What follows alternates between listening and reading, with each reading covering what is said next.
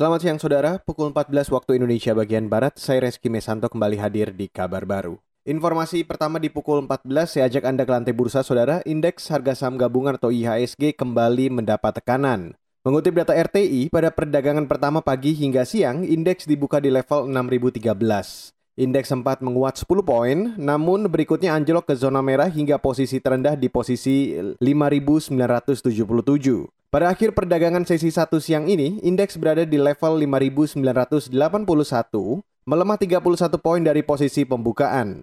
Hampir semua sektor saham melemah seperti sektor perbankan, konsumer, konstruksi, sebagian besar saham sektor properti, dan sebagian besar saham sektor sumber daya mineral.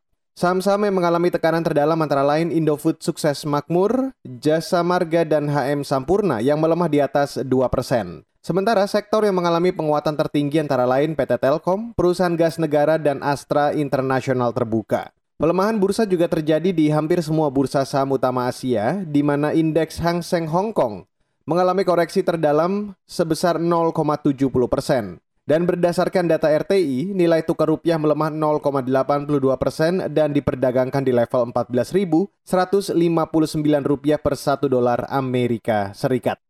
Kita beralih ke Jawa Tengah, saudara. Banjir yang melanda kawasan Sidareja, Kabupaten Cilacap terus meluas. Hujan deras yang mengguyur Kabupaten Cilacap pada malam tadi membuat lebih dari 12.000 rumah terendam banjir. Dan hingga kini banjir meluas ke 19 desa di 5 kecamatan di Cilacap.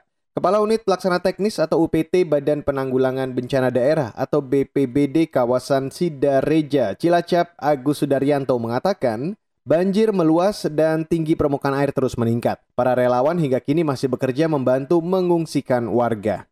Genangan cukup besar, cukup tinggi lah, antara 20 sampai 150. Ini memang lagi lagi bergerak untuk itu untuk itu untuk apa evakuasi baik di Sudekaran maupun yang di Sudamulia. Baru mau dari pagi yang anu anu warganya di apa mau mengungsi padahal kita sudah menyarankan untuk sejak hari Minggu. Kemudian dari Senin juga diharapkan untuk bisa mengungsi ternyata baru tadi pagi ini. Itu tadi Kepala Unit Pelaksana Teknis UPT Badan Penanggulangan Bencana Daerah atau BPBD kawasan Sidareja Cilacap Agus Sudaryanto. Dan hingga selasa siang sebanyak lebih dari 360 orang warga mengungsi. Diperkirakan jumlah pengungsi terus bertambah lantaran genangan air semakin tinggi. Banjir berpotensi meluas jika kembali hujan lebat dan terjadi pasang air laut. Saudara, organisasi PBB untuk perlindungan anak UNICEF mendesak negara-negara di dunia memasukkan guru dalam daftar prioritas penerima pertama vaksin COVID-19.